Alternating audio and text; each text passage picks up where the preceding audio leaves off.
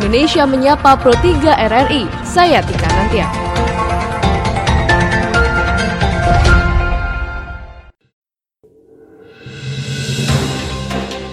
Dari Medan Merdeka Barat 45 Jakarta, inilah Radio Republik Indonesia dengan Warta Berita. Bersama saya Tika Nantia. Sari Berita, petani di Kabupaten Tapin, Kalimantan Selatan sulit mendapatkan pupuk bersubsidi. Masyarakat dihimbau untuk tidak mengkonsumsi daging hewan liar. Inilah Warta Berita selengkapnya. Petani di Kabupaten Tapin, Kalimantan Selatan mengeluhkan sulitnya mendapatkan pupuk bersubsidi. Agar tetap dapat bercocok tanam, mereka terpaksa membeli pupuk non-subsidi, tentunya dengan harga yang lebih mahal. Berikut laporan dari Aulia Rahman. Kelangkaan pupuk bersubsidi kini melanda petani di Kabupaten Tapin, Provinsi Kalimantan Selatan. Sudah dalam beberapa waktu terakhir ini, mereka kesulitan mendapatkan pupuk padahal sudah memasuki masa tanam. Seperti penuturan jam hari salah seorang petani. Ya agak susah di, di kios yang kosong. Ya pengirimannya lambat katanya. Petani pun menurut Ketua Kontak Tani Nelayan Andalan KTNA Kalimantan Selatan Ahmad Bakri terpaksa membeli pupuk non-subsidi yang harganya jauh lebih mahal.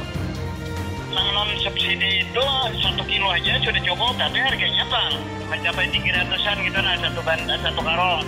Kalau nano itu kan cuma 125, kayak itu nah 120. Berbagai isu pun bermunculan di kalangan petani. Ada yang mengatakan bahwa kelangkaan terjadi karena tidak adanya kartu tani yang disyaratkan untuk menebus pupuk di kios-kios penyalur. Namun, dinas terkait tak mau berbicara banyak perihal masalah ini. Begitupun juga pihak distributor.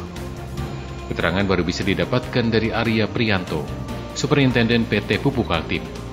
Stok pupuk bersubsidi saat ini menurutnya masih mencukupi sesuai kebutuhan di lapangan yang dilihat dari RDKK atau data rencana definitif kebutuhan kelompok. Pupuk Altim masih menyalurkan karena stok masih ada 6.700 yang menjadi persoalan menurut Arya adalah tidak semua petani tergabung ke dalam kelompok tani sehingga tidak terdaftar dalam RDKK dan tidak bisa mengakses pupuk bersubsidi. Nah untuk RDKK yang singkatan dari Rencana Definitif Kebutuhan Kelompok itu sekarang tidak seperti yang tahun 2019.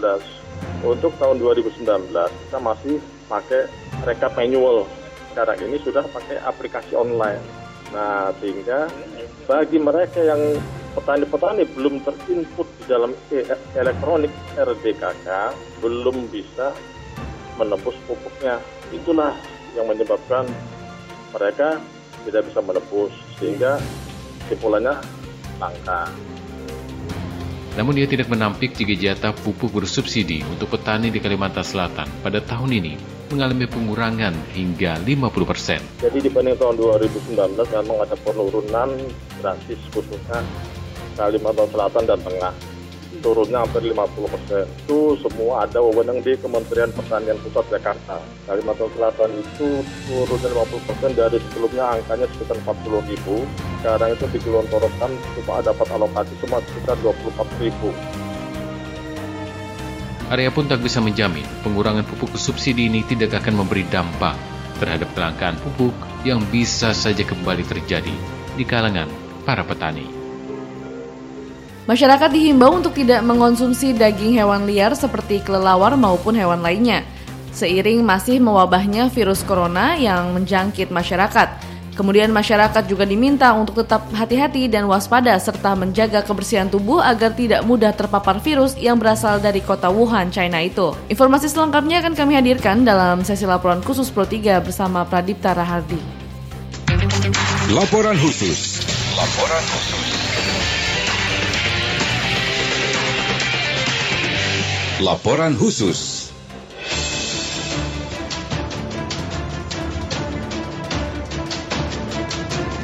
Merebaknya virus corona dari Wuhan, China menjadi salah satu ancaman bagi banyak negara. Pasalnya, setiap korban yang terjangkit virus corona harus langsung mendapat perawatan intensif di ruang isolasi khusus. Agar terhindar dari wabah virus corona, masyarakat pun diminta untuk tidak mengonsumsi daging hewan seperti kelelawar maupun hewan liar lainnya seperti tikus, ular, kucing, maupun anjing. Bahkan Presiden Joko Widodo mengingatkan kepada seluruh masyarakat untuk tetap hati-hati dan waspada agar tidak mudah terpapar virus corona. Yang paling penting kita waspada, hati-hati. Saya sudah perintahkan ke Menteri Kesehatan untuk diawasi secara detail. Diawasi. Selain itu, Kepala Kantor Kesehatan Pelabuhan Kelas 1 Bandara Soekarno-Hatta, Anas Ma'ruf menjelaskan pihaknya akan tetap mewaspadai seluruh tamu yang masuk ke Indonesia, baik negara yang terjangkit corona maupun yang tidak. Bahkan, tanpa sungkan-sungkan, pihaknya juga bertanya mengenai jenis makanan apa yang dikonsumsi oleh para pendatang dalam waktu beberapa hari terakhir. Selain kita meriksa suhunya, kita juga akan menyobek uh, health alert card karena sekarang health alert card atau kartu waspada kesehatan sudah diberikan di dalam pesawat sebelum pesawat itu mendarat di Soekarno-Hatta. Kemudian eh, pramugari atau flight attendant sudah mengumumkan kepada para penumpang ya lewat announcement bahwa para penumpang diminta untuk mengisi alert card selengkap mungkin. Kemudian nanti pada waktu eh, turun akan diperiksa oleh petugas kesehatan. Sementara ini kita masih konsentrasi yang pesawat dari China ya, karena kita tahu juga bahwa pesawat-pesawat yang eh, dari negara lain itu bukti yang ada belum ada penularan setempat. Namun demikian tetap kita awasi ya, jadi bukan berarti kemudian eh, dari negara yang sudah ada kasus tidak kita awasi, tetap kita awasi, tetapi eskalasinya tentu berbeda dengan pesawat yang dari China. Ketua Umum Asosiasi Dokter Hewan Satwa Liar, Akuatik dan Hewan Eksotik Indonesia, Dr. Huda Darusman mengatakan, kelelawar berpotensi menyebarkan penyakit virus pada manusia. Huda yang merupakan pengajar di Institut Pertanian Bogor itu menjelaskan, kelelawar memiliki daya tahan tubuh yang spesifik yang mampu berperan sebagai reservoir atau penyimpan agen penyakit. Sebelumnya, Huda mengatakan kelelawar merupakan reservoir virus corona lainnya penyebab SARS dan MERS. Ketika dimakan, menurut Huda, virus itu bisa ditransmisikan ke manusia. Meski virus sangat mudah dinonaktifkan dengan pemanasan atau bahan tertentu dalam proses pemasakan. Nah, masih beranikah Anda makan daging hewan liar seperti kelelawar, tikus, kucing, atau anjing? Dari Jakarta, Pradipta Rahadi, Pro 3 RRI. Sekian Warta Berita, Produksi Radio Republik Indonesia.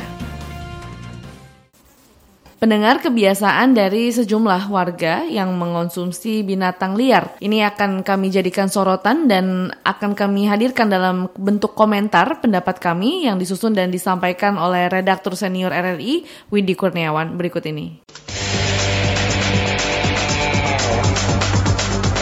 Editorial Pro 3 Selamat pagi pendengar Baru-baru ini ada seorang artis Cina Wang Mengyun meminta maaf kepada publik karena telah mempromosikan makan sop daging kelelawar. Sop daging kelelawar enak, segar, dan seperti daging ayam, kata Wang Mengyun. Video program travel TV Cina tersebut dibuat tiga tahun lalu, dan selang beberapa tahun kemudian, Cina diserang wabah virus corona yang mematikan. Salah satu carrier utama pembawa virus corona ternyata adalah kelelawar. Dan ternyata pula masyarakat Wuhan, Cina sangat menyukai sup kelelawar.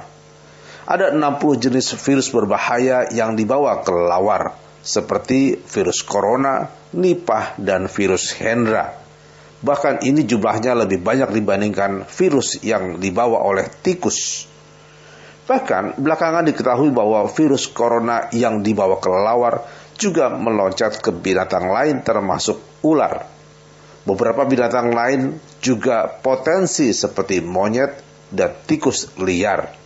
Karena itu, pemerintah harus menganggap bahwa makan masakan dari beragam binatang liar seperti sop kelawar, sate ular, monyet panggang, atau tikus goreng perlu diwaspadai. Ini bukan persoalan budaya dan kebiasaan, akan tetapi persoalan umat manusia secara luas. Bisa saja di antara binatang liar tersebut membawa manfaat, akan tetapi bahayanya perlu diperhitungkan lebih terinci. Bahayanya adalah tatkala virus menyerang manusia akibat makan binatang liar, maka virus tersebut juga akan menyebar secara cepat karena manusia sering berhubungan dengan manusia yang lain. Ini yang berbahaya. Cukuplah sudah wabah virus corona di Wuhan, Cina sebagai pelajaran berharga untuk masyarakat seluruh dunia termasuk Indonesia. Siapa sangka promosi sup kelelawar tiga tahun lalu ternyata kini menjadi wabah mengerikan di Wuhan, Cina. Kita juga tidak tahu apakah kebiasaan makan binatang liar, tikus, kelawar, dan monyet atau binatang lain di sejumlah daerah di Indonesia akan menjadi wabah seperti di Wuhan. Akan tetapi, yang penting adalah waspada. Hanya orang dungu yang akan melakukan kesalahan kedua kalinya dalam hal yang serupa. Demikian komentar, selamat pagi.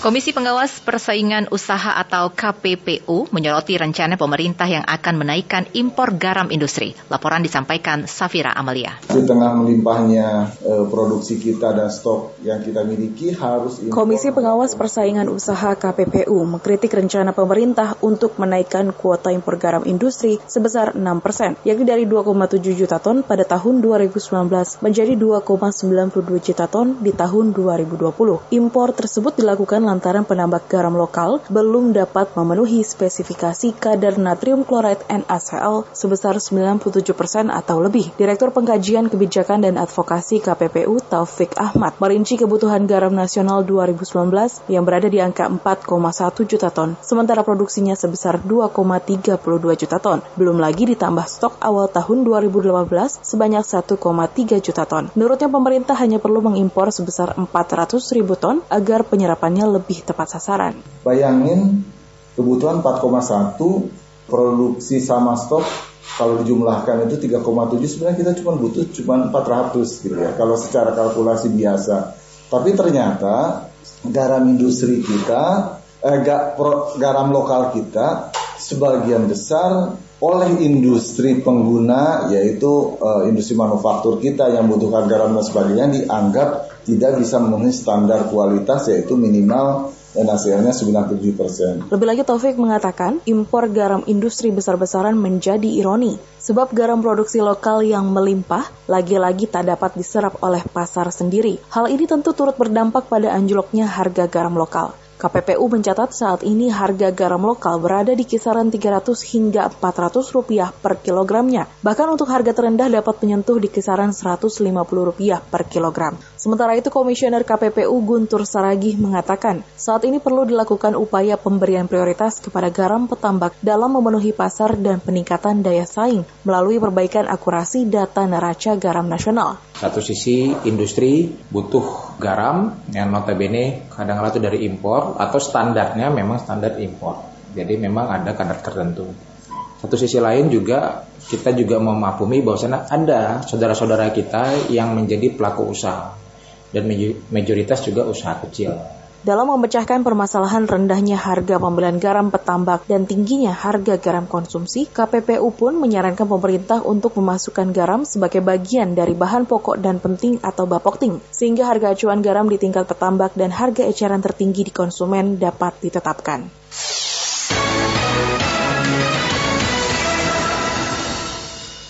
Pendengar pemerintah akan merencanakan fasilitas kepulangan dari warga negara Indonesia yang saat ini masih terjebak atau terisolasi di Wuhan dan tentu saja rencana ini akan difasilitasi untuk kepulangan mereka dari Wuhan ke Indonesia dan telah menyiapkan ruang karantina bagi para petugas usai mengevakuasi warga negara Indonesia yang sudah terkepung di Wuhan akibat virus corona yang saat ini sedang mewabah. Kemudian hal tersebut akan kami kulik lebih dalam lagi bersama dengan narasumber kami yaitu Kepala Dinas Penerangan Kadispen TNI Angkatan Udara Marsma TNI Fajar Adrianto berikut ini.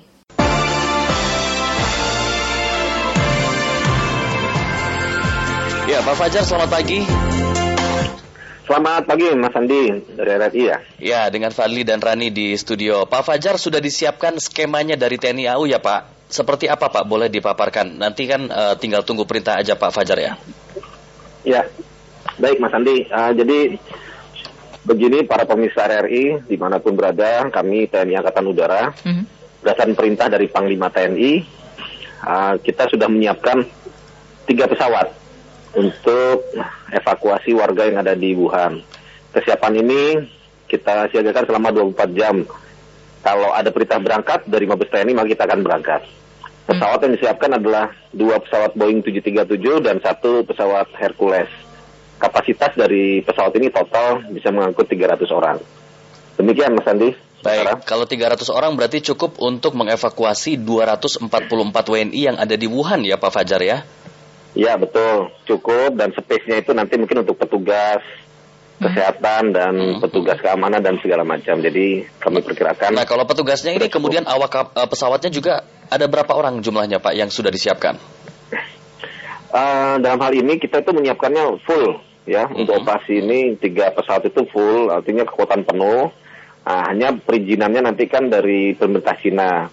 Berapa orang yang boleh masuk ke sana, berapa pesawat. Nah, jadi eh, pada kondisi seperti itulah saya belum bisa menjawab berapa orang Baik. yang bisa ke sana. Tapi yang jelas TNI AU itu siap untuk melaksanakan itu. Tapi Ya. SOP-nya nanti sebelum berangkat kabarnya akan di antivirus dulu Hmm. dan tim ini juga dibekali eh, obat-obatan untuk menangkal corona eh, Pak Fajar.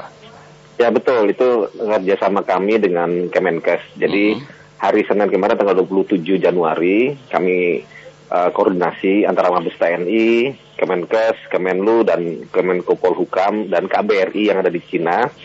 Kita semuanya sudah menyiapkan langkah-langkah bagaimana cara untuk mengevakuasi warga Indonesia yang ada di sana. Salah satunya adalah kru yang mau berangkat dan petugas yang mau berangkat itu apa saja yang harus dibekali. Tentu yang pertama adalah berangkat itu orangnya harus sehat. Iya. Ya, kemudian kedua diberikan proteksi diri, entah itu obat, alat kebersihan dan segala macam. Kemudian yang ketiga itu jika kembali dari sana tentunya akan diperiksa lagi di sini untuk dikarantina dan dilakukan proses medis lainnya agar virus tersebut tidak terbawa sampai ke Indonesia. Baik. Jadi demikian, Mas. Pak Fajar, setelah mungkin kita mengevakuasi warga negara Indonesia dari Wuhan ke Cina, nah nanti eh, mereka tahapan seperti apa yang akan kita lakukan lagi? Ya, sesuai rapat hasil rapat kemarin tahapan yang disiapkan oleh Kemenkes adalah begitu mendarat Hmm. kita adakan karantina dulu di pesawat pesawat tersebut akan parkir khusus Hmm. di eh, satu tempat yang eh, jauh dari pesawat yang lain, kemudian dilaksanakan karantina dan eh, selesai itu akan dikirim ke rumah sakit Salianti yang ada di Sunter untuk dikarantina lebih lanjut secara perorangan. Demikian. Oke, jadi untuk di karantina itu berapa lama tuh Pak? Kalau rencana ini kalau terburuknya itu sampai 28 hari di rumah sakit. Kalau memang itu terkena penyakit, tapi kalau memang tidak mungkin bisa lebih cepat. Baik, jadi eh, ketika setelah dievakuasi pulang ke tanah air tidak lantas tidak serta merta bisa langsung pulang ke kampung halaman atau ke rumah masing-masing Pak Fajar ya harus tetap dicek terlebih dahulu. Oh iya betul, itu kan prosedurnya demikian. Karena daripada pulang terus malah menyebar virus, lebih baik kan disembuhkan dulu. Agar pulang dengan aman, keluarga juga bisa menyambut dengan uh, aman dan nyaman. Kalau uh, begitu mendarat langsung di ini kan apa pulang itu nanti kami khawatir malah virus tersebut malah semakin menyebar. Baik. Karena itu Hmm. kita sudah menyiapkan langkah-langkah tersebut. Sebelum masuk isolasi atau mungkin karantina sendiri, Pak eh, Fajar, adakah mungkin eh, eh, obat ataupun masker atau apa alat yang bisa kita berikan kepada eh, masyarakat Indonesia di Iya. Wuhan? Iya betul, itu sudah disiapkan oleh Kemenkes. Kementerian Kesehatan sudah disiapkan uh, alat-alat apa saja yang akan kita bawa dari sini dan kemudian dibagikan ke masyarakat Indonesia yang di sana ataupun yang dibawa uh, dan dibagikan kepada kru dan petugas. Baik, kalau pengecekannya hanya dilakukan di rumah sakit saja Pak di RSPI eh, Sulianti ya. Eh, tidak ada dokter yang dibawa ke berangkat ke Wuhan atau bagaimana? Oh tetap ada petugas kesehatan ada yang berangkat uh, di sana karena itu kemarin Kapus Pen TNI menyampaikan bahwa petugas kesehatan lapangan TNI sudah siap kalau diajak. Kemudian Kemenkes juga tentunya sudah menyiapkan petugas-petugas yang lain karena untuk ke sana tidak mungkin hanya kita saja yang berangkat kru saja tidak, tapi tentunya petugas kesehatan juga harus ikut untuk me- apa, mencegah penyebaran lebih lanjut. Baik. Baik. Berarti hanya satu rumah sakit ya Pak yang disigakan untuk, untuk uh, evakuasi ini? Betul, sementara satu rumah sakit. Namun seluruh rumah sakit TNI itu siap, yang ada seluruh Indonesia. Jadi sehingga kalau ada warga negara Indonesia pun yang pulang ke daerah, yang dari sini setelah di karantina ternyata pulang ke daerah pun sudah siap semua rumah sakit hmm. uh, eh, TNI. Kalau pertama itu memang ke satu rumah sakit dulu Dr. Salianti. Tapi namun rumah sakit yang lain tentunya sudah siap dan itu sudah dikoordinasikan dengan Kemenkes. Ya. ya. Baik, jadi tinggal tunggu perintah aja Pak Fajar ya. Betul, kami tinggal tunggu perintah. Kalau memang diizinkan dari pemerintah Tiongkok untuk masuk ke sana, kemudian uh, Panglima TNI, apa Mabes TNI juga sudah koordinasi dengan Kemenlu, maka ketika, ketika perintah itu datang kami akan berangkat. TNI siap 24 jam. Hmm. Baik, kalau begitu. Pak Fajar, terima kasih banyak Pak sudah bersama kami atas informasinya ya. juga. Mudah-mudahan uh, nanti akan berjalan lancar skema dan juga standar yang sudah Amin. disiapkan untuk mengevakuasi WNI dari Wuhan. Selamat pagi Pak Fajar. Ya. Terima kasih, selamat pagi.